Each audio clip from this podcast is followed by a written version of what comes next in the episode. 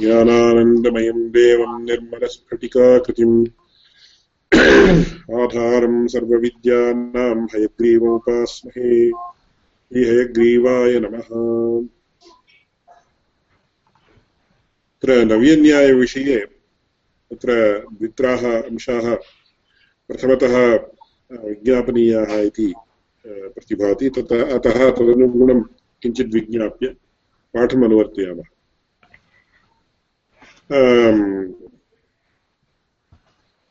तत्र नव्यन्यायशास्त्रस्य वैशिष्ट्यं किम् इति चेत् तत्र लौकिक उदाहरणमेकं दातव्यं चेत् तत्र आङ्ग्लभाषायां विशिष्य कम्प्यूटर् सैन्स् साफ्ट्वेर् मध्ये तत्र केभ्यश्चित् वर्षेभ्यः पूर्वं तत्र आप् आगतं स्मरामि भवन्तः अपि स्मरेयुः तद्विषये नाहम् अधिक ज्ञानवान् अस्मि। तथापि तत् मया यथा गृहीतं, तथा वक्तव्यं चेत् तत्र ये ये अंशाः तत्र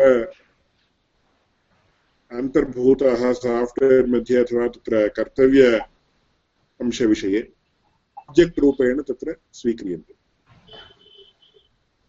अतः इदमपि एकम् आब्जेक्ट् इदानीं कश्चित् तत्र किञ्चित् क्षीरम् आनीय साफ्ट्वेर् कर्तव्यं चेत् आनेता एकं वस्तु क्षीरम् एकं वस्तु आनयनक्रिया इति एकं वस्तु इति एवं रीत्या सर्वम् एकम् आब्जेक्ट् इति वस्तुत्वेन स्वीकृत्य तत्र साफ्ट्वेर् इत्युच्यमानस्य व्यवस्थापनं क्रियते तद्वत् इदानीम् अस्माकम् आचार्यैः एकम् उदाहरणं दीयते तत्काले सैकल् यन्त्रम् इति आसीत्। सैकल् यन्त्रम् इदानीं कथं क्रियते, सर्वीस् इति, ओवर् आयिल् इति उच्यते स्म तत्काले। ओवर् आयिल् चेत् तत्र, तत् यन्त्रं सर्वमपि निष्कास्य। तत्र अनन्तरं तत्र पुनः योजयेयुः चेत् first day December the entire cycle मध्ये अस्माभिः गम्यते चेत् मम सैकल् कुत्र अस्ति चेत् एकं तत्र तमिळ् भाषायां वाणा इति उच्यते तत्र एकम् एतादृशं पात्रं टब् इति वा किञ्चित् तत्र सैकल् भवतः इति चेत् सर्वमपि तत्र भागभागशः भागभागशः तस्य तन्निष्कास्य एतावन्ति, एतावन्तः भागाः भवतां सैकल् मध्ये आसन् इति एकं टब् मध्ये तत् सर्वं प्रदर्श्यते।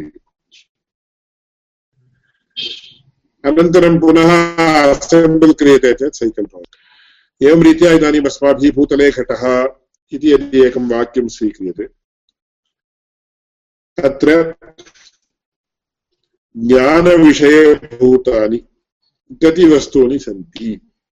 इति अस्माभिः निष्कास्य one two three four five six seven eight इति एकं यथा एक टब् मध्ये सैकल् यन्त्र यन्त्रस्य अथवा सैकल् यानस्य सर्वे भागाः निक्षिप्य तद्वत् अस्माभिः सर्वं निष्कास्य प्रदर्शयितुं शक्यते। One two three four five six seven eight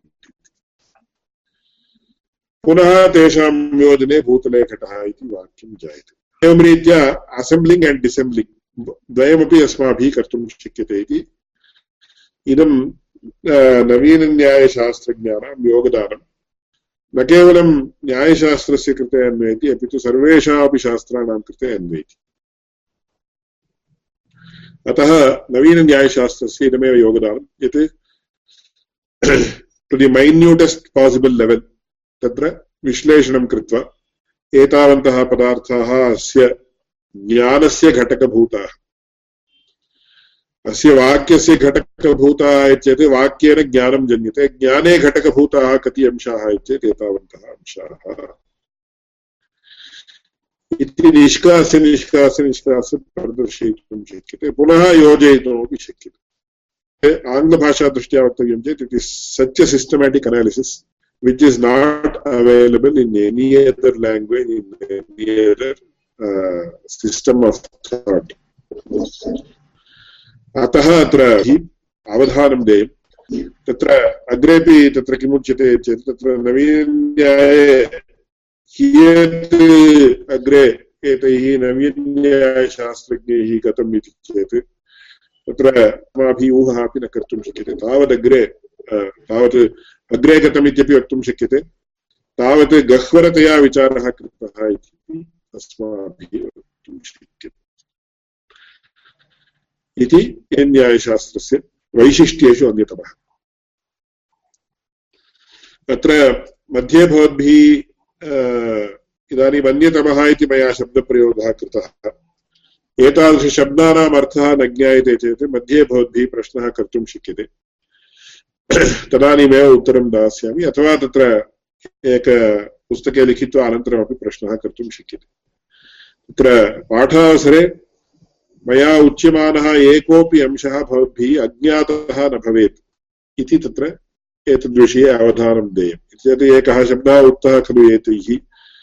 अयं शब्दः न ज्ञातः इति तत्र सन्देहः तथैव न रक्षणीयः। तदानीमेव सः सन्देहः अपाकर्तव्यः। अन्यतमः इति चेत् बहुष्वेकः अन्यतमः, द्वयोरेकः अन्यतरः इति तत्र अन्यतरतमप्रत्ययः अन्यत्र तरतमभावः तारतम्यम् इत्यत्र उच्यते, सः अन्यः। अत्र अन्यतमः इति उच्यते चेत् बहुषु एकः अन्यतमः, द्वयोरेकः अन्यतरः। इदानीं लेखनीद्वयं वर्तते चेत् तदानीम् अन्यतरम् अथवा अन्यतरां लेखनीम् आनय आनय इति वक्तव्यम् बहवः चेत् द्व्यधिकाः त्रि अथवा तदधिकाः लेखन्यः सन्ति चेत् तिस्रः अथवा तदधिकाः लेखन्यः सन्ति चेत् तदानीम् अन्यतमां लेखनीम् आनय इति वक्तव्यम् अतः अयमंशः नवीन्यायशास्त्रवैशिष्ट्येषु अन्यतमः अस्माभिः ज्ञेयः तदुपरि ह्यः अस्माभिः प्रथमं केचन अंशाः नवीन्यायशास्त्रस्य प्रधान अङ्गभूताः एवं पीठिकारूपाः अस्माभिः विचारिताः। अद्य अग्रे इदानीं वाक्यस्य शाब्दबोधः इत्यस्य कोऽर्थः इत्यादि विषयाः किञ्चिदिव प्रस्तूयन्ते। तत्र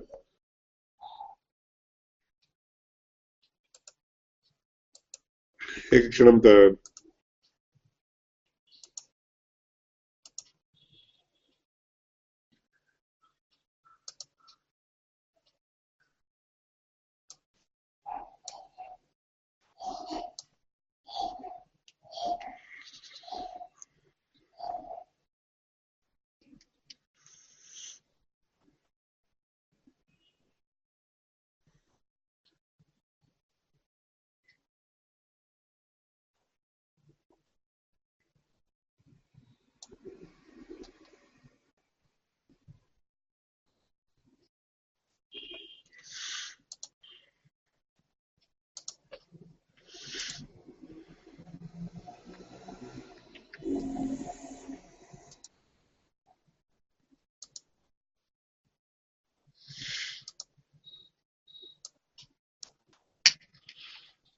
अत्र अस्माभिः प्रमाप्रमितिः इति विषये किञ्चिदिव ज्ञानं प्राप्तव्यम्। अनन्तरं तद्विषये अस्माभिः अग्रे विवरणं कर्तुं दातुं शक्यते।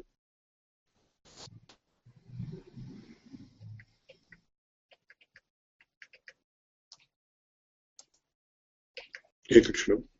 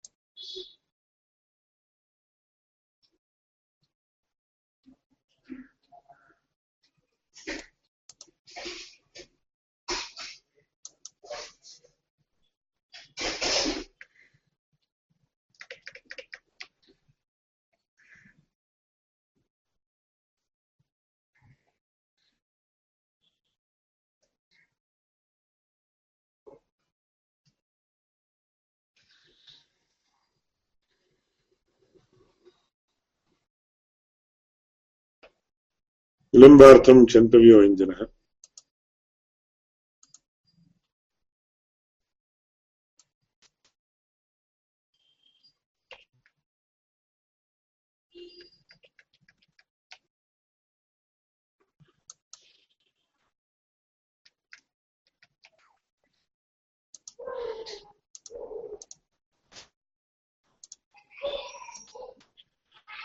तत्र आङ्ग्लभाषायां यद्यपि अत्र निर्देशः कृतः अस्ति, प्रथमम् अस्माभिः ज्ञानं नाम किम् इति अत्र अतीव सङ्क्षेपेण मया उच्यते कुतः इति चेत् भवन्तः सर्वेपि एतान् विषयान् जानन्त्येव इति अहं विश्वसिमि। अत्र ज्ञानं नाम किं ज्ञानस्य लक्षणं किम् एवम् अन्ये सम्बद्धाः विषयाः अत्र प्रस्तूयन्ते। सर्वव्यवहारहेतुः ज्ञानं बुद्धिः इति तत्र तर्कसङ्ग्रहे ज्ञानस्य लक्षणं निरूपितम् सर्वव्यवहारहेतुः इति। यः कोऽपि व्यवहारः अस्माभिः यथा कथञ्चित् कर्तव्यश्चेदपि, तत्र नियमेन तादृशज्ञानम् आवश्यकम्। ज्ञानवन्तरा न किमपि कर्तुं शक्यते इति। अतः इदमेव ज्ञानस्य लक्षणम् इति उच्यते। तत्र ज्ञानप्राप्तौ के के अंशाः सम्बद्धाः सन्ति इति चेत् प्रमाणं, प्रमेयं, प्रमाता, प्रमितिः इति उच्यते। प्रमाता इति कः इत्येत् अयं जीवात्मा इति अस्मद्दृष्ट्या। अयं जीवात्मा प्रमाता इति उच्यते, यः एतादृश प्रमितिम् आप्नोति। सः प्रमाता इति उच्यते। यत् यस्मात् कारणात् सः ज्ञानं प्रमितिम् आप्नोति, तत् प्रमाणम् इति उच्यते। तादृशज्ञानस्य विषयभूतं वस्तु पुस्तकं वा यत्किमपि लोके सर्वमपि प्रमेयम् इति उच्यते। अनन्तरं तादृशज्ञानस्यैव प्रमितिः प्रमितिः इति नाम। अस्मिन् विषये न्यायभाष्यकाराः सम्यक् वदन्ति। तत्र आरम्भे एव न्यायभाष्ये प्रथमतः तैः किमुच्यते चेत् प्रमाणतो अर्थप्रतिपत्तौ प्रवृत्तिसामर्थ्यादर्थवत् प्रमाणम् इति आरम्भः क्रियते। एवं विस्तरेण प्रमाणविषये, प्रमेयविषये, प्रमातृविषये, एवं प्रमितिविषये, तत्र वेदान्तशास्त्रे किं भवति इति चेत् प्रमाणं, प्रमेयं, प्रमाता इति त्रिपुटी त्रिपुटी, ज्ञानत्रिपुटी इति उच्यते। परन्तु न्यायशास्त्रे किं भवति? तत्र प्रमितिः इति ज्ञानस्यापि कुतः चेत्? ज्ञानाश्रयः, ज्ञानविषयभूतं वस्तु, ज्ञानकारणम्। इदं त्रयमेव प्रमाणं प्रमेयं प्रमाता इति उच्यते। परन्तु ज्ञानस्यापि तत्र स्थानं देयम् इत्यतः तत्र त्रिपुटी इत्यनेन साकं प्रमितिमपि योजयित्वा तत्र चतसृषु च एतासु अर्थतत्त्वं परिसमाप्यते इति न्यायभाष्यकाराः अत्यद्भुतरीत्या वदन्ति। अतः प्रमाणं, प्रमेयं, प्रमाता, प्रमितिः इति एते चत्वारि अंशाः अस्माकम् अतीव प्रधानभूताः इति प्रथमम् अवधेयम्।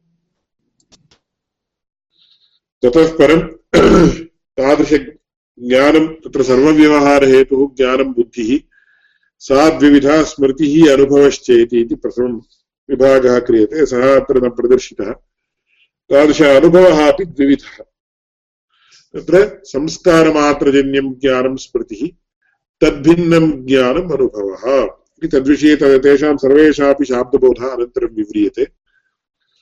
तत्र अनुभवः द्विविधः, प्रमा, भ्रमश्चेति। तत्र सद्विविधः, यथार्थो, अयथार्थश्चेति इति तर्कसङ्ग्रहे उच्यते। यथार्थानुभवः एव प्रमा इत्युच्यते। अयथार्थानुभवः भ्रमः इत्युच्यते। तत्र यथार्थानुभवस्य लक्षणं किम् इति चेत्, तद्वति तत्प्रकारकानुभवो यथार्थः। तद्वति तत्प्रकारकानुभवः इति उच्यते। तस्यापि विवरणम् अग्रे दीयते। तत्प्रकारकः प्रकारविशेष्यभावः, विशेष्यविशेषणभावः एवं प्रकारप्रकारिभावः। इत्यादयो विषयाः अत्यन्त अत्यन्तसूक्ष्माः विषयाः। एतेषां विवरणानि अग्रे दीयन्ते। एवं तदभाववति तत्प्रकारकः अनुभवः अयथार्थः स एव भ्रम इत्युच्यते। इति तत्र यथा शुक्तौ इदं रजतम् इति ज्ञानम्। इति तत्काले दीयमानम् उदाहरणमासीत्। शुक्तिं दृष्ट्वा इदं रजतम् इति भ्रमः तत्र प्राप्यते स्म बहुधा। इदानीमपि प्राप्यते, परन्तु तत्काले बहु सार्वत्रिकः आसीदयं भ्रमः इति अस्माभिः ज्ञायते। इति एवं तत्र प्रमाभ्रमः इति भेदः। तत्र पुस्तकं दृष्ट्वा इदं पुस्तकम् इति यदि कश्चित् ज्ञानमाप्नोति, तादृशं ज्ञानं प्रमा इति उच्यते। अनन्तरं रज्जुं दृष्ट्वा यदि सर्पः इति ज्ञानमाप्नोति, तदानीम् अयमंशः भ्रमः इत्युच्यते एवञ्च अस्माभिः तत्र ज्ञानसम्बन्धिनः चत्वारः अंशाः एकं प्रमेयम्, अपरं प्रमाता, अपरं प्रमाणम्, अपरं प्रमितिः इति, प्रमा एव प्रमितिः इत्युच्यते। प्रमाणं नाम प्रमाकरणं प्रमाणं प्रमायाः करणं, कारणम् इत्यस्य, करणम् इत्यस्य च व्यत्यासः अस्ति। करणविषये तावत् बहु वक्तव्यमस्ति, तदग्रे उच्यते। तत् करणं नाम प्रधानं कारणं करणम् इति उच्यते परन्तु नव्यन्यायशास्त्रज्ञानां प्राचीनन्यायशास्त्रज्ञानां च करणविषये करणशब्दार्थव्युत्पादने अस्ति भेदः व्यापारवदसाधारणकारणं करणम् इति प्राचीनैः दीयमानं करणलक्षणं कार्य अव्यवहितप्राक्षण वर्तीयते तत् करणम् इति नवीनैः दीयमानं लक्षणं तद्विषये अपि अग्रे विस्तरेण प्रस्तूयते यः एतादृशं ज्ञानमाप्नोति सः प्रमाता इति उच्यते पोसेसर् आफ् नालेज् तादृशज्ञानस्य विषयभूतं वस्तु प्रमेयम् इति उच्यते। ज्ञानमेव प्रमितिः इत्युच्यते अतः तत्र एते चत्वारः अंशाः अवधेयाः, न्यायभाष्यकारैरपि प्रमाणतः अर्थप्रतिभ तत्र चतसृषु च एतासु अर्थतत्त्वं परिसमाप्यते इति। अर्थः इति वक्तव्यश्चेत्, एतेषु चतुर्षु अनन्तर्भाव्यो विषयः नास्ति। सर्वापि तत्र अन्तर्भवत्येव एतेषु चतुर्षु विषयेषु इति तत्र उच्यते।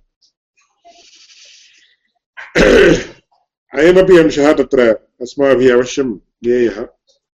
तत्र एतादृशज्ञान ज्ञानज्ञानेन किं भवति? ज्ञान अवाप्त्या किं भवति इति चेत् प्रवृत्तिः, निवृत्तिः औदासीन्यम् इति त्रेधा। यथा कश्चित् बालकः शर्करां पश्यति चेत् तदानीं तत्र तस्य झटिति तस्य आदाने प्रवृत्तिर्जायते। स एव प्रवृत्तिः सा इति उच्यते। कदाचित् सर्पस्य वा अथवा अन्यस्य वस्तुनः, तादृशस्य दर्शने निवृत्तिः जायते। निवृत्तिः इत्युच्यते। कदाचित् किमपि न जायते प्रवृत्तिरपि न जायते निवृत्तिरपि न जायते तदानीम् औदासीन्यम् इति तत्र ज्ञानस्य परिणामः। तदुपरि तत्र प्रमितिः चतुर्विधा इति न्यायशास्त्रे उच्यते। अत्र वेदान्तशास्त्रावरोधेन प्रदर्शितं प्रत्यक्षम् अनुमितिः शाब्दबोधः इति। न्यायशास्त्रदृष्ट्या तावत् प्रत्यक्षम् अनुमितिः, उपमितिः शाब्दबोधः इति उपमितिः इति एकं योजनीयम्। अस्मिन् स्लैड् मध्ये नास्ति तत् तत् कृपया किञ्चिदिव समीकुर्वन्तु। तत्र प्रत्यक्षम् अनुमितिः, उपमितिः शाब्दबोधः इति उपमितिविषये पश्चात् उच्यते मया। तत्र प्रत्यक्षं तावत् षड्विधम्। चाक्षुषप्रत्यक्षं चक्षुषा अस्माभिः प्राप्यमाणं प्रत्यक्षम्। तथा तत्र श्रावणप्रत्यक्षं श्रवणेन्द्रियसहकृतप्रत्यक्षम् अनन्तरं रासनप्रत्यक्षम् इति तत्र रसनेन्द्रियेण जायमानं मधुरादिरसविषयकम्। ततः परं तत्र घ्राणजप्रत्यक्षम् आल्फाक्टरि पर्सेप्शन् इति उच्यते। सुरभि, असुरभि ग्रहणे सहकरोति। ततः परं स्पार्शनप्रत्यक्षं शीत, उष्ण अनुष्ण अनुष्णाशीतस्पर्श ग्रहणे सहकरोति वस्तूनां ग्रहणे सहकरोति एवं तत्र मानसप्रत्यक्षम् इति सुखदुःखादिसाक्षात्कारविषयभूत साक्षात्कारकारणभूतं प्रत्यक्षम्। इति एवं प्रत्यक्षं षड्विधम्। इदं लौकिकप्रत्यक्षमिति। अलौकिकप्रत्यक्षमिति अन्यद् वर्तते तत् पश्चात् विचारयामः। एवम् अनुमितिप्रक्रिया तत्र प्रथमं धूमं पश्यति, वह्निं न पश्यति। ततः तत्र यत्र यत्र धूमः तत्र तत्र वह्निः इति व्याप्तिं स्मरति। व्याप्तिस्मरणानन्तरं परामर्शः इति कश्चन किंचन ज्ञानं जायते। ततः परं पर्वतो वह्निमान् इत्यनुमितिम् आप्नोति अनुमितिः इति उच्यते। अन्यदेकम् उदाहरणं, तत्र तत्र तावत् अस्मिन् उदाहरणे तत्र धूमेन वन्यनुमितिः यदा प्राप्यते तदानीं कारण कार्यात् कारणानुमानं धूमः कार्यं वह्नेः कार्यं, तत् कारणात् कार्यानुमानम् इति। कार्य, कार्यात् कारणानुमानम् इति। यदा तत्र प्रथमम् अतीव गहनमेघादिकं पश्यति अथवा गहनम् अतीव कृष्णवर्णं मेघं पश्यति, तदानीं वृष्टिर्भविष्यति इति वृष्टिज्ञानं प्राप्यते। तदानीं कारणात् कार्यानुमानम् इति द्वयमपि तत्र न्यायभाष्ये प्रदर्शितं। द्वेधा अपि अस्माकम् अनुभवे वर्तते। ततः परं शाब्दबोधः इति। शब्दात् जायमानः बोधः, शाब्दबोधः इति उच्यते। एकः वदति, अपरः तत् शृणोति।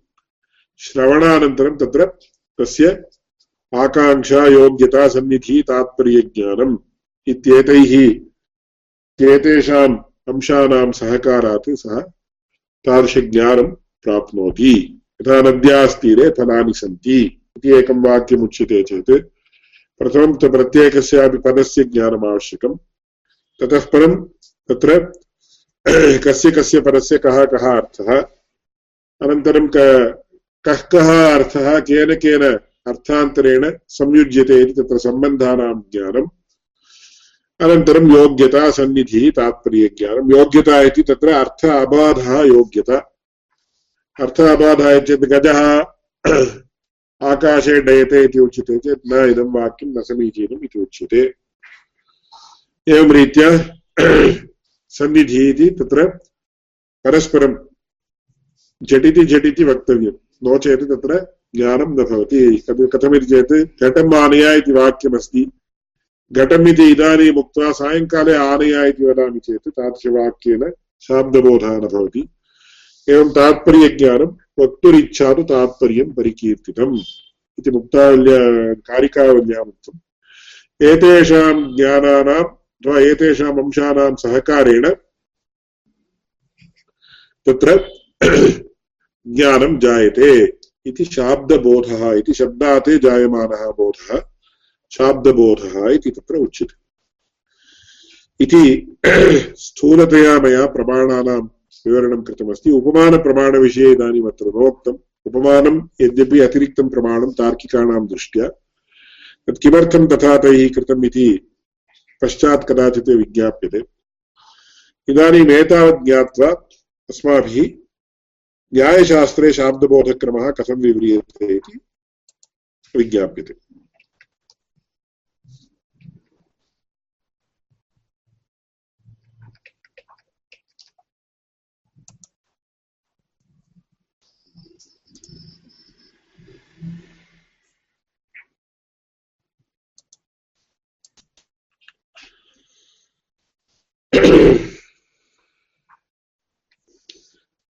ह्यः अस्माभिः तत्र सम्बन्धः कीदृशः इति विषये किञ्चित् प्रस्तूय विश्रान्तिः प्राप्ता। इदानीम् आधाराधेयभावः सम्बन्धः भूतले घटः इति यदा वयं वदामः, तदानीं भूतलम् आधारः घटः आधेयः इति आधेयशब्दः न बहूनां परिचितः तस्य परिचयः प्राप्तव्यः। एवं घटभूतलयोः कः सम्बन्धः चेत् साधारणतया अस्माभिः आधाराधेयभावः सम्बन्धः इति उच्यते केन शब्देन अयं ज्ञायते इति कुतः इत्युक्ते अत्र विचारणीयाः बहवः अंशाः वर्तन्ते इदानीं भूतले घटः इति वाक्यम् अस्माभिः श्रुतम् एवं तत्र दृष्टमपि इदानीं भूतले इति भूतले घटः इति एकं वाक्यं वर्तते। अत्र कति पदानि सन्ति। इति चेत् व्याकरणशास्त्रदृष्ट्या अस्माभिः किमुच्यते? भूतले इति एकं पदं घटः इति एकं पदं पदद्वयं वर्तते इति अस्माभिः उच्यते। कुतः चेत् कथं भूतले इति एकं पदं, घटः इति एकं पदम् इति कथम् उच्यते? इति चेत् व्याकरणशास्त्रीयनियमः, पाणिनीयसूत्रानुरोधेन कृतः वर्तते। पाणिनीयं सूत्रं सुप्तिङन्तं पदम् इति। सुमन्त्रं दिगन्तं च पदसंज्ञं स्यात् इति तत्र सिद्धान्तकौमुद्यां भट्टोजिदीक्षितैः उच्यते। एवञ्च भूतले इति सप्तमी विभक्तिः तत्र ङि ङिप्रत्ययान्तः शब्दः। सप्तमी विभक्तिप्रत्ययः ङिप्रत्ययः सौरसमोक्षस्ताभ्यां स्मृतिभ्यां रसोसां सुप इति ङि इति प्रयोगः शब्दः तत्र प्रत्ययः वर्तते इति ङी इति सुप्रत्यये तत्र अन्तस्य दर्शनात् भूतले इति एकं पदं घटः इति एकं पदम् घटः इति सु इति प्रथमाविभक्तिप्रत्ययः प्रथमा एकवचनप्रत्ययः सु इति विद्यमानत्वात् घटः इति एकः प्रत्ययः अतः भूतले घटः इत्यत्र पदद्वयं वर्तते इति अस्माभिः साधारणतया उच्यते परन्तु, न्यायशास्त्रदृष्ट्या अत्र पदत्रयं वर्तते। कुतः इति चेत् न्यायशास्त्रे पदस्य पदम् इति शब्दस्य अन्यथा विवरणं क्रियते अस्माभिः किमिति? शक्तं पदम्। शक्तं पदम् इति चेत् कोऽर्थः? शक्तियुक्तं पदम्। शक्तिः इति चेत् कोऽर्थः? इति चेत् मम एव एतावन् शक्तिः अस्ति इति एवं तत्र प्रदर्श्यते किल सा शक्तिर्वा इति चेत् न अत्र शक्तिर्नाम का इति चेत् अस्मात् पदादयमर्थो बोद्धव्य इति ईश्वरसङ्केतशक्तिः अस्मात् पदात् अयमर्थो बोद्धव्यः इति ईश्वरसङ्केतः शक्तिः यथा लेखनी इति उच्यते चेत् एतादृशं वस्तु बोद्धव्यम्। अत्र पुस्तकम् इति यदि उच्यते तदानीम् एतादृस्तु एतादृशं वस्तु बोद्धव्यम्। दूरवाणी इति उच्यते चेत् एतादृस्तु बोद्धव्यम्। इति अस्मात् पदात् अयमर्थो बोद्धव्यः। अथवा एतत् पदम् अमुमर्थं बोधयतु। इति एतादृशम् एतादृशरीत्या विद्यमानं विद्यमानः सङ्केतः शक्तिः इति उच्यते। कस्य सङ्केतः? इति चेत् ईश्वरस्य सङ्केतः परमात्मनः सङ्केतः कुतः मया वा भवद्भिर्वा न कृतः अयं सङ्केतः यथा इदानीं लेखनी इति उच्यते चेत् तत्र निजम् इति उच्यते, एतादृशं वस्तु इति। एतादृशसङ्केतः मया वा भवद्भिर्वा कृतो वा इति चेत् न कृतः। बहुकालात् आरभ्य एवं वर्तते। केन कृतं तर्हि मम पितामहेन वा, भवतां पितामहेन वा, तत्पित्रा वा तत्पित्रा वा कृतम् इत्येतत् तथा नास्ति। अनादिकालात् एवं वर्तते। अतः ईश्वरसङ्केतशक्तिः इति वक्तव्यम् इति। परन्तु तदानीम् अन्ये पृच्छन्ति, तत्र ईश्वरसङ्केतः चेत् इदानीं लौकिकदृष्ट्या बहुधा नूतनसङ्केतः क्रियते खलु। कथमेवम् इति? यथा एकं विनोदावहम् उदाहरणं दातव्यं चेत् इदानीं द्वौ पुरोहितौ स्तः। तयोर्मध्ये तौ वार्तालापं कुरुतः स्तः। तदानीम् अन्येपि सन्ति। तदानीं तत्र एकत्र कति तत्र सम्भावनारूपेण कति रूप्यकाणि दत्तानि इति प्रष्टव्यम्। इतरेषां तत् न ज्ञातव्यं तदानीं किं कुर्वन्ति इति चेत् उत्प्रेक्षा कति इति पृच्छन्ति। इति चेत् सम्भावना स्यात् उत्प्रेक्षा वस्तुहेतुफलात्मनः इति तत्र चन्द्रालोके किञ्चित् वाक्यं वर्तते सम्भावना स्यात् उत्प्रेक्षा परन्तु सम्भावना कति इति प्रश्नः क्रियते चेत् इतरेषां ज्ञायते। अतः उत्प्रेक्षा कति इति एकः प्रश्नं करोति। अपरः द्वयम् इति वदति। अस्तु, समीचीनम् इति वदति। इति चेत् को अर्थः चेत् कति सम्भावनात्वेन कति रूप्यकाणि प्राप्तानि इति एकः प्रश्नं करोति। तत्र धनं कति प्राप्तम् इति। अयमुत्तरे इति द्वयम् इति चेत् द्विसहस्रम् इत्यर्थः इति तत्र तेषां सन्दर्भः भवति अयमपि सङ्केतः एव खलु। अत्र ईश्वरसङ्केतः अस्ति वा चेत् आधुनिकसङ्केतिके तु ईश्वरसङ्केतः ईश्वरसङ्केतः इति नास्ति। आधुनिकसङ्केतिके शक्तिः इति एव न वक्तव्यम्। इति प्राचीनानाम् आशयः नवीननैयायिकाः किं मन्वते चेत् तत्र ईश्वरसङ्केतः इत्येव मास्तु सङ्केतमात्रं शक्तिः इत्येव वक्तव्यम्। इति शक्तिवादः इति एतद्विचारार्थमेव महान् ग्रन्थः, तत्र गदाधरभट्टाचार्येण रचितः। अस्तु, अयं विषयः इदानीं मास्तु। तत्र शक्तं पदम् इति चेत् तत्र अस्मात् पदात् अयमर्थो बोद्धव्यः इति ईश्वरसङ्केतः शक्तिः। एवञ्च इदानीं भूतलम् इति पदेन अर्थः ज्ञायते वा न वा ज्ञायते। भूतलम् इति एकं पदम्।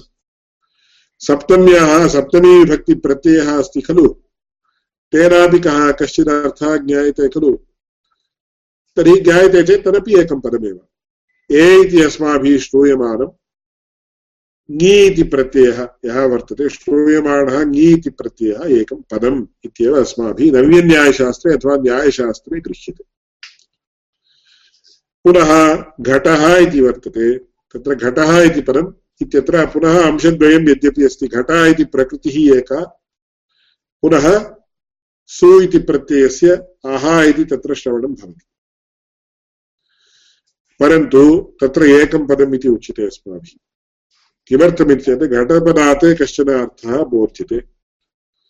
सु इति प्रत्ययात् अर्थविशेषः न बोध्यते इति सामान्यतः तथा गृह्णन्तु इदानीम् आरम्भावस्थायाम्। कुतः चेत् तत्र सु इति पदस्य किम कोऽपि अर्थः नास्ति। सु इति अंशस्य। तर्हि किमर्थं प्रयोगः कर्तव्यः इत्युक्ते साधुत्वार्थम् इति उच्यते। अस्माभिः व्याकरणनियमाः अवश्यं परिपालनीयाः। व्याकरणशास्त्रे कः नियमः कृतः अस्ति चेत् न केवला प्रकृतिः प्रयोक्तव्या नापि प्रत्ययः इति नियमः प्रयोक्तः उक्तः। तदनुगुणतया भूतले घट्टा इति वक्तव्यं चेदपि तत्र साधुत्वार्थम् अस्माभिः प्रथमा प्रयुज्यते अथवा भूतले घटः इति प्रयोगः क्रियते। एवञ्च तत्र किं भवति? भूतले घटः इति अस्माकं दृष्ट्या नव्यनैयायिकानाम् अथवा नैयायिकानां दृष्ट्या कति पदानि सन्ति, त्रीणि पदानि सन्ति। भूतला इति एकं पदं सप्तमी प्रत्ययरूपम् एकं पदं घट इति एकं पदम्। इति त्रीणि पदानि सन्ति। इदानीं भूतलपदस्य अर्थः कः? इति चेत् भूतलपदस्य भूतलम् इत्यर्थः। भूतलं नाम फ्लोर् इति आङ्ग्लभाषायाम् उच्यते। तरै इति तमिळ् द्राविडभाषायाम् उच्यते। घटः इत्यस्य कोऽर्थः घटः इत्यस्य संस्कृतभाषायां वक्तव्यं चेत् कलशः इत्यर्थः। तस्य विवरणम् अस्माभिः कथं दीयते इति चेत् कम्बुग्रीवाद्याकारविशिष्टव्यक्तिः। एवं कम्बुग्रीवाद्याकार एवमागत्य एवम् एवं भवति। अतः घटो नाम कम्बुग्रीवाद्याकारविशिष्टव्यक्तिः इति भूतलपदस्य भूतलमर्थः। घटपदस्य कम्बुग्रीवाद्याकारविशिष्टः आकारविशिष्टः, कलशः इत्यर्थः इति वक्तुं शक्यते। ए इति श्रूयमाणस्य सप्तमीविभक्तेः प्रत्ययस्य अर्थः कः? इति चेत् तत्र पाणिनिमहर्षिणा किमुक्तम्? सप्तम्यधिकरणे च इति सप्तम्यधिकरणे चेत् सप्तमीविभक्तिप्रत्ययः अधिकरणे, अधिकरणार्थे उपयोक्तव्यः अधिकरणं नाम आधारो अधिकरणम् इति ह्यः अस्माभिः विवरणं दत्तम्। एवञ्च अधिकरणम् इति यदा उच्यते तदानीं तत् प्रतिद्वन्द्विशब्दः आगच्छत्येव आधेयः इति। एवञ्च तत्र सप्तमीविभक्तिप्रत्ययेन किं सूच्यमानमस्ति? इति चेत् घटभूतलयोः आधाराधेयभावः सम्बन्धः इति सूच्यमानमस्ति इति अस्माभिः ज्ञायते। एवञ्च घटपदस्य कम्बुग्रीवाद्याकारविशिष्टकलशः इत्यर्थः ज्ञातः भूतलपदस्य भूतलम् इत्यर्थः ज्ञातः सप्तमीविभक्तिप्रत्ययस्य कः अर्थः इति ज्ञातम् अस्माभिः इदानीं। पाणिनिमहर्षिणा अधिकरणम् इति अधिकरणार्थे सप्तमी इति उक्तम्। अधिकरणम् इत्यस्मिन् इत्यर्थः अस्माभिः स्थूलतया कथं गृह्यते इति चेत्, तत्र आधाराधेयभावः अथवा आधार आधेय अधिकरणभावः इत्यपि वक्तुं शक्यते, परन्तु तत्र वचनसौकर्यार्थम् आधाराधेयभावसम्बन्धः इति, आधाराधेयभावः इति अंशत्रयम् अस्माभिः गृहीतम् इति। एतेन पुनः किं ज्ञायते? किञ्चिदिव तत्र यथा इदानीम् एकं फलमस्ति चेत् तस्मात् रसः निष्कासनीयश्चेत् अस्माभिः किं क्रियते? प्रथमम् एवं तस्य तस्य किमिति वक्तव्यम् इति तत्र नोदनं वा किमपि वक्तव्यम्। एवं पुळीर्दे इति आङ्ग्लभाषायाम् उच्यते। तत्र एवं क्रियते निष्पीडनं। निष्पीडनं। निष्पीडनं प्रथमतः किञ्चिदिव न अधिकश्रमेण निष्पीडनं क्रियते। न अधिकश्रमेण निष्पीडनं क्रियते चेत् अन्तः विद्यमानः रसः बहिः आगच्छति। तद्वत् तद्वत् इति स्थाप्यते एवञ्च भूतलघटयोः आधाराधेयभावसम्बन्धः वर्तते इति चेत् तदानीम् अस्माभिः किं ज्ञायते? भूतलम् आधारः, घटः, आधेयः। इति अर्थः ज्ञायते वा न वा? अवश्यं ज्ञायते। भूतलघटयोः आधाराधेयभावसम्बन्धः वर्तते इति चेत्, एकं वस्तु आधारत्वेन ग्राह्यम्, एकं वस्तु आधेयत्वेन ग्राह्यम्। तदानीं किं भवति तत्र? अनयोः मध्ये एकः आधारस्य स्थाने वर्तते, अपरः आधेयस्य स्थाने वर्तते इति अस्माभिः ज्ञायते। एवञ्च अस्माभिः किं किमुच्यते? भूतलम् आधेय आधारः।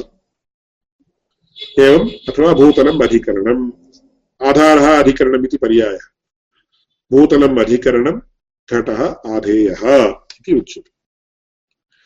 एतावत्पर्यन्तं कोऽपि सन्देहः अस्ति वा? एकः प्रश्नः अस्ति। उच्यते। सुबन्त घटः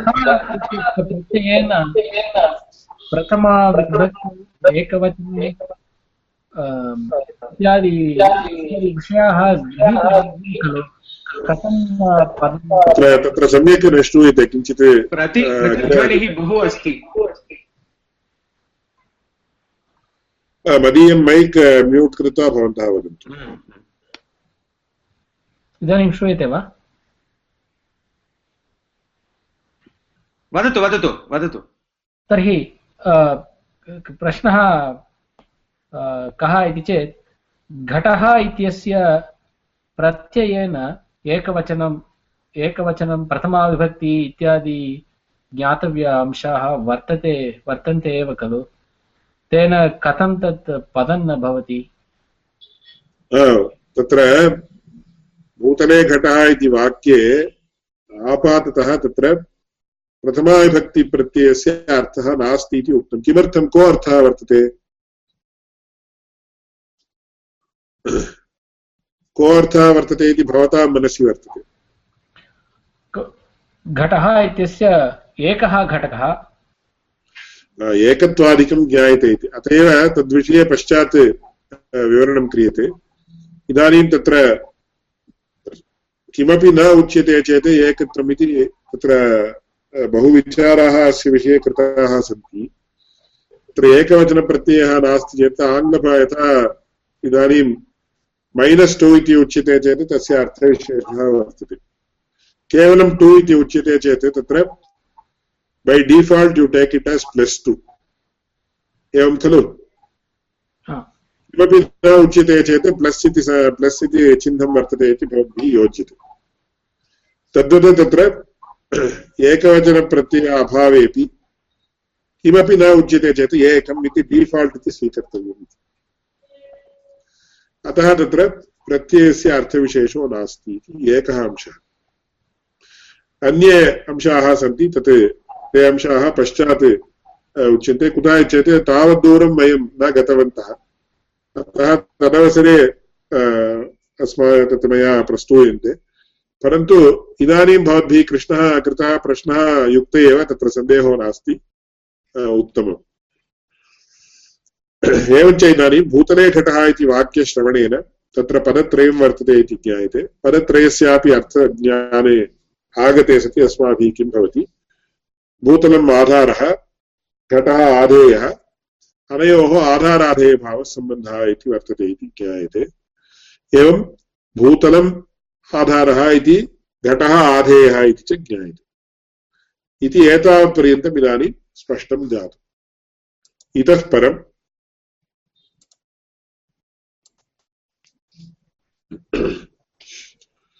इदानीम् अत्र ज्ञेयः अंशः द्वय, अंश ज्ञेय अंशद्वयं वर्तते।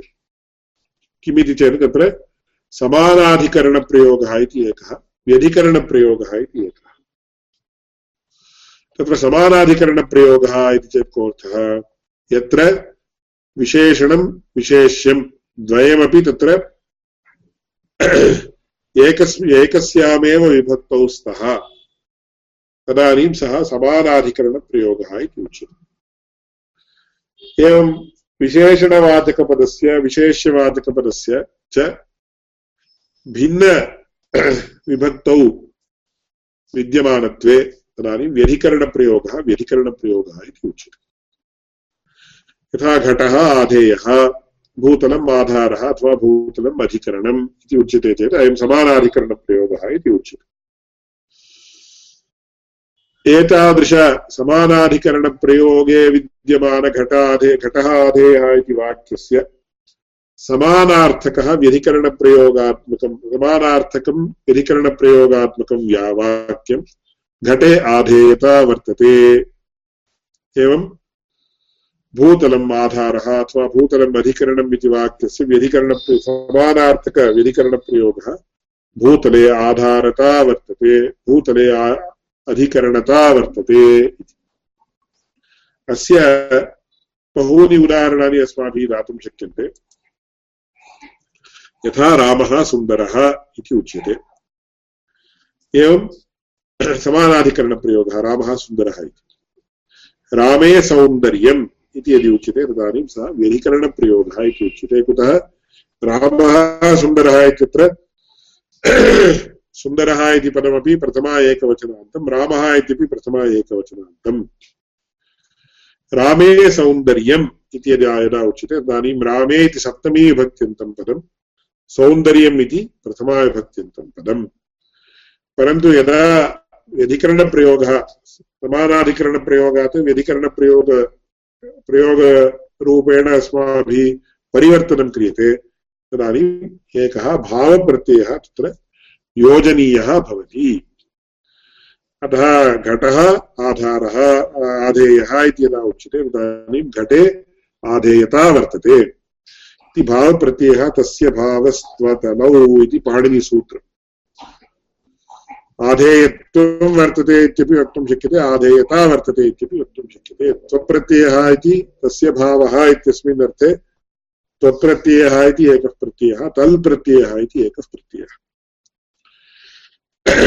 त्वप्रत्यययोजने आधारत्वं वर्तते इति। तल् प्रत्यययोजने आधारता वर्तते इति। तल् इति आधारतल् इति न भवति। आधारता इति भवति। एवम् अन्ये भावप्रत्ययाः अपि सन्ति। यथा सुन्दरः, सौन्दर्यम् इत्यत्र तत्र अन्यः कश्चन प्रत्ययः भवति। सुन्दरता वर्तते, सुन्दरत्वं वर्तते इत्यपि वक्तुं शक्यते। त्वप्रत्ययः तल्प्रत्ययश्च इति द्वौ अत्यन्तसाधारणौ, सार्वत्रिकौ, सर्वत्र सामान्यतया उपयुज्यमानौ प्रत्ययौ। तदपेक्षयापि अन्ये भाववाचकाः प्रत्ययाः वर्तन्ते। तत्र भावशब्दस्यापि विषये बहु ज्ञातव्यं वर्तते। भावार्थे भावार्थे इति उच्यते। भावो नाम कः इति।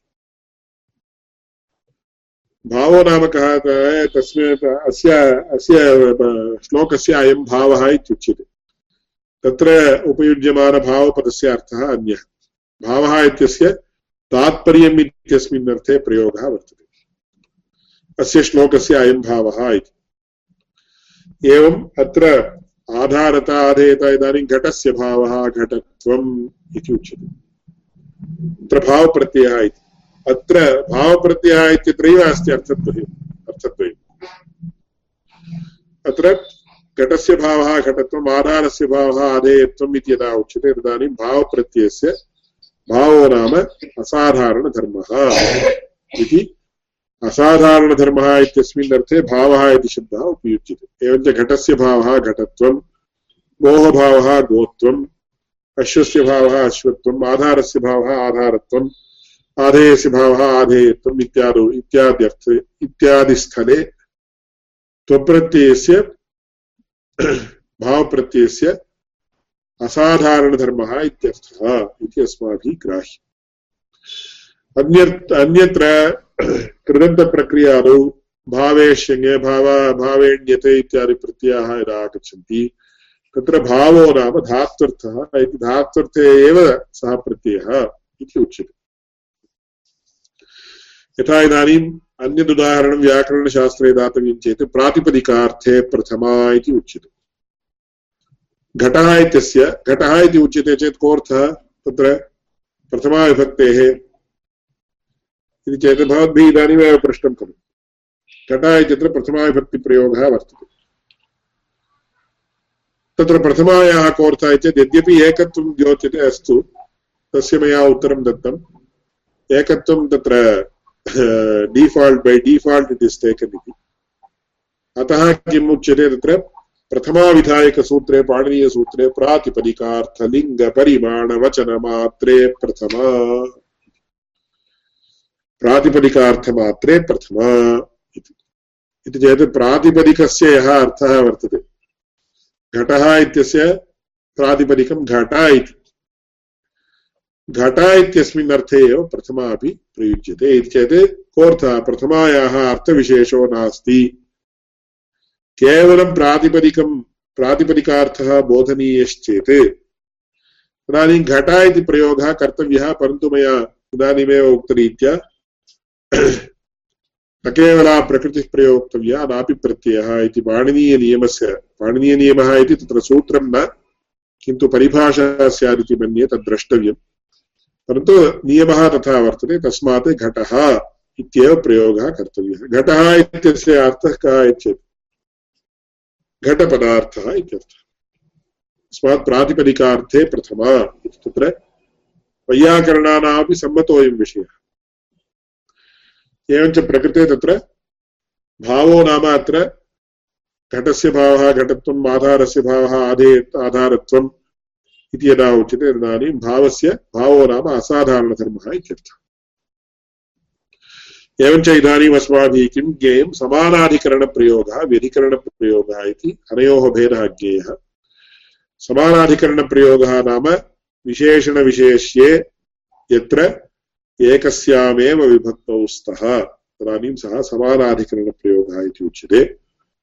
यदा ते भिन्नविभक्तौ स्तः तदानीं तत्र व्यधिकरणप्रयोगः। यथा रामः सुन्दरः इति समानाधिकरणप्रयोगः, रामे सौन्दर्यम् इति व्यधिकरणप्रयोगः। एवमेव अत्र उदाहरणं पश्यन्तु। घटः आधेयः इति समानाधिकरणप्रयोगः। व्यधिकरणप्रयोगः घटे आधेयता वर्तते। इति एवं भूतलम् आधारः अथवा भूतलम् अधिकरणं तस्य व्यधिकरणप्रयोगः भूतले आधारता वर्तते अथवा अधिकरणता वर्तते इति।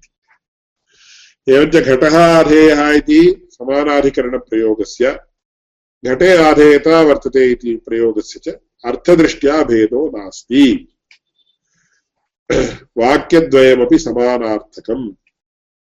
एवमेव भूतलम् आधारः अथवा भूतलम् अधिकरणम् इति वाक्यस्य भूतले आधारता वर्तते अथवा भूतले अधिकरणता वर्तते इति वाक्यस्य च अर्थभेदो नास्ति।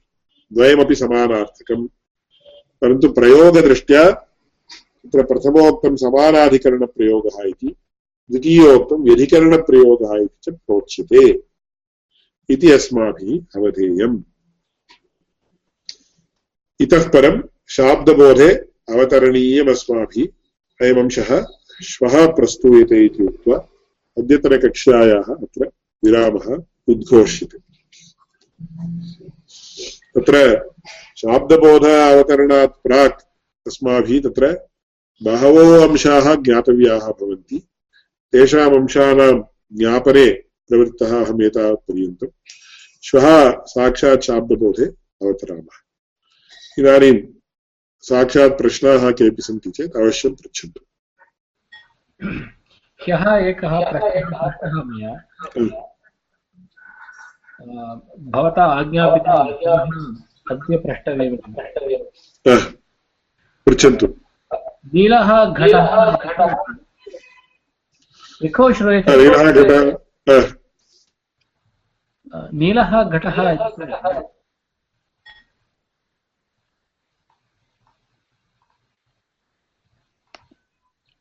वदतु इदानीं प्रश्नं पृच्छतु। नीलः घटः इति चेत् सम्बन्धः तत्र ग्राह्यते इति उक्तं भवद्भिः। परन्तु मया किं गृहीतम् इति चेत् स्थीयतां भवान् न श्रूयते। मया किं गृहीतम् इति चेत् नीलत्वं घटत्वं च एकत्र वर्तते इत्येव गृहीतव्यम् इति पूर्वं गृहीतं विषयः एवमस्ति। वास्तवतया तत्र नीलः घटः इति चेत् नीलः इति तत्र गुणे शुक्लादयः पुंसि इति तत्र अमरकोशे नियमः प्रोक्तः। नीलः इति नीलरूपं, ब्लाक् अथवा ब्लू कलर् इत्यर्थः। तत्र नीलवान् घटः इति वक्तव्यं। नीलः अस्य अस्ति इति नीलवान् इति तत्र मतुप्रत्ययः इति उच्यते। तदस्यास्त्यस्मिन् इति मतुप इति पाणिनीयसूत्रम्। तदस्य अस्ति, तदस्मिन् अस्ति इत्यर्थे मतु प्रत्ययः योजनीयः। यथा घटवत् भूतलं, घटः अस्य अस्ति इति घटवत्। इति तद्वत् घटवद्भूतलम् इति यथा उच्यते, तद्वत् नीलवान् घटः इति वक्तव्यं वास्तवतया वास्तवतया तथैव उच्यते प्रथमं, नीलः अस्य अस्ति इति नीलवान् परन्तु तदुपरि एकं वार्तिकं वर्तते। गुणवचनात् मतुपो लुगिष्टः इति एकं वार्तिकं वर्तते। गुणवाचकपदात् इत्येतत् गुणवाचकपदोपरि यः मतुप्रत्ययः वर्तते, नीलवान् इत्यत्र यथा तद्वत् नीलवाच, नीलपदोत्तरं विद्यमानात् मतु, नीलपदोत्तरं विद्यमानः यः मतुप्रत्ययः। सः लुप्तो भवति। गुणवचनात् मतुपः लुक् लुक् इति चेत् लोपः इति। एवञ्च गुणवाचकात् पदात् लोपः इष्टः इत्यर्थकस्य गुणवचनान्मतुपो लुगिष्टः इति वार्तिकस्य सद्भावात्। तत्र नीलरूपवान् घटः, नीलवान् घटः इति मध्ये चेत् तत्र आन्तरावस्थायाम् इन् दि इण्टरिम् इति आङ्ग्लभाषायाम् उच्यते। इन् दि इण्टरिम् नीलवान् घटः इत्येव आसीत्, परन्तु तदुपरि एतादृशवार्तिकस्य अन्वयात् since the vartika rule is applied एतादृशवार्तिकनियमा नियमयोजनानन्तरं तत्र किं भवति? नियम अन्वयानन्तरं नीलः इत्येव भवति। अत एव अमरकोशे किमुक्तं? गुणे शुक्लादयः पुंसि गुणिलिङ्गास्तु तद्वती। इति तद्वति इति चेत् तद्विशिष्टम् इत्यर्थे गुणिलिङ्गाः भवन्ति, तस्मात् नीलम् उत्पलम्। नीलो घटः। नीलावेणी इत्येवं रीत्या भवति। तस्मात् नील नीलम् इत्यस्य नीलरूपवत् इत्यर्थः नीलरूपविशिष्टम् इत्यर्थः तत्र कथमिदं ज्ञायते? नीलरूपविशिष्टम् इत्यर्थः कथं ज्ञायते? नीलो घटः इत्यत्र। नीलः इत्यस्य केवलं ब्लू कलर् इति वा? अथवा an object that possesses blue colour इति वा द्वय द्वयथापि अर्थः भवति खलु। नीलोघटः इत्यत्र विद्यमाननीलशब्दः कथं नीलविशिष्टार्थे वर्तते? How does it denote an object नीलवर्ण इति अग्रे घटः इति पदस्य अव्यवहितोत्तरं विद्यमानत्वात्। Since it is immediately succeeded by a word called घटः it actually means an object that possesses नीलवर्ण। therefore nilaha means नीलविशिष्टः इन् दिस् काण्टेक्स्ट् इति अस्माभिः ज्ञेयम्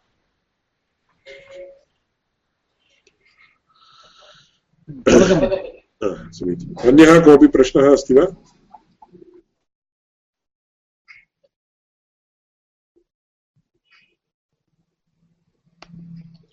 गुरु, गुरुप्रसाद न श्रूयते। न श्रूयते। भवान् एवं करोतु। उट्टङ्कनं कृत्वा प्रेषयतु। श्वः अपि सः उत्तरं दातुं शक्नोति। एकवारं पुनः इदानीं श्रूयते। वदतु। हा, अं, प्रत्यक्षप्रमाण अवसरे यदा भवान् उक्तवान् तदा मेण्टल् पर्सेप्शन् इति एकं अं, प्रत्येकम् उक्तवान्। कथं अन्य अं, कथं भिद्यते अ, कुतः अ, प्रत्येकं प्रयोक्तं तत्र मेण्टल् पर्सेप्शन् इति तेऽपि अं, इन्द्रिया इन्द्रियग्राह्य ज्ञानमेव खलु अ, न न तत्र प्रश्नः समीचीनः वर्तते तत्र मा मानसप्रत्यक्षम् इति तत्र बाह्यप्रत्यक्षं मानसप्रत्यक्षम् इति. घ्राणरसनचक्षुस्त्वक् श्रोत्रेन्द्रियैः प्रा प्राप्यमाणं प्रत्यक्षं बाह्यप्रत्यक्षम् इति. तेषां विषये मनः स्वतन्त्रतया न प्रवर्तते, तत् बाह्य एतानि इन्द्रियाणि यानि सन्ति तानि सर्वाणि बाह्यविषये ग्राहकाणि। सुखं दुःखम् इत्यादिकं तावत् आत्मनि जायमानम् इति तत्र न्यायशास्त्रे उच्यते। आत्मा इति यद्यपि अत्र एवं प्रदर्शयितुं न शक्यते। आत्मा विभुः न्यायशास्त्रदृष्ट्या तत्र विभौ विभौ आत्मनि शरीरावच्छेदेन जायमानं ज्ञानम्। चेत् शरीरावच्छेदेन सुखदुःखादिकम् आत्मनि जायते। आत्मा विभुश्चेदपि तत्र शरीरावच्छेदेन सुखं दुःखं च भवति। तादृश सुखं दुःखं कुत्र भवति इत्येतत् शरीरान्तरेव तस्य अनुभवः जायते। अतः तत्र मानसप्रत्यक्षेण किं गृह्यते चेत् आत्मा गृह्यते, अहम् इति प्रत्ययेन, अहमस्मि अहमस्मि इति यदा ज्ञानं भवति तदानीम् अहमिति तत् बाह्यविषयं न, अहम् इति तत्र अस्माभिः चक्षुरादिकं निमील्य बाह्येन्द्रियाणां प्रवृत् प्रवृत्त्यभावेपि अस्माभिः अहम् अहम् अहम् इति ज्ञानं भवति। तस्मात् तत्र आन्तरविषयमेव गृह्णाति मनः। यद्यपि बाह्यप्रत्यक्षस्यापि सहकारी, सर्वेषां ज्ञानसामान्यं प्रति मनः कारणमिति अग्रे तत्र मुक्तावल्याम् आगच्छति, तद्विषये तत्समये मया विज्ञाप्यते। परन्तु मनः विशेषेण किं गृह्णाति इति चेत् यथा आत्मानं गृह्णाति अयमहमस्मि इत्यादौ। अपि च शरीरा गृह्णाति अतः मानसप्रत्यक्षम् इत्येव तस्य नाम अस्तु। आनन्द कोऽपि प्रश्नः अस्ति वा एकः प्रश्नः अस्ति। विशेषणविशेष्यभावः तु किञ्चित् अवगम्यते। त- तद्वत् अन्यः उद्देश्यविधेयभावः इति कश्चन अस्ति। सः कः भावः इति किञ्चित् वा वक्तुं शक्नोति वा? उद्देश्यविधेयभावः इति तत्र विस्तरेण वक्तव्यं तत् तत् श्वः उच्यते। इदानीं समयः नास्ति किञ्चिदिव विस्तरेण वक्तव्यम्। अतः श्वः विज्ञाप्यते सः। परन्तु अतीव युक्तः प्रश्नः श्वः उच्यते अन्यः कोऽपि लघुप्रश्नः अस्ति चेत् पश्यामः नो चेत् श्वः अनुवर्तयितुं शक्यते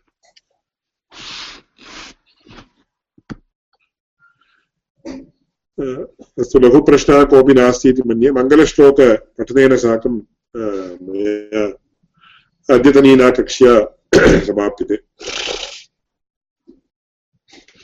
ज्ञानानन्दमयं देवं निर्मलस्फटिकाकृतिम् आधारं सर्वविद्यानां हयग्रीवमुपास्महे श्रीहयग्रीवाय नमः। श्वः समानसमये कक्षा भवति। यदि नास्ति तर्हि सूच्यते, नो चेत् कक्षा भविष्यति। नमो नमः।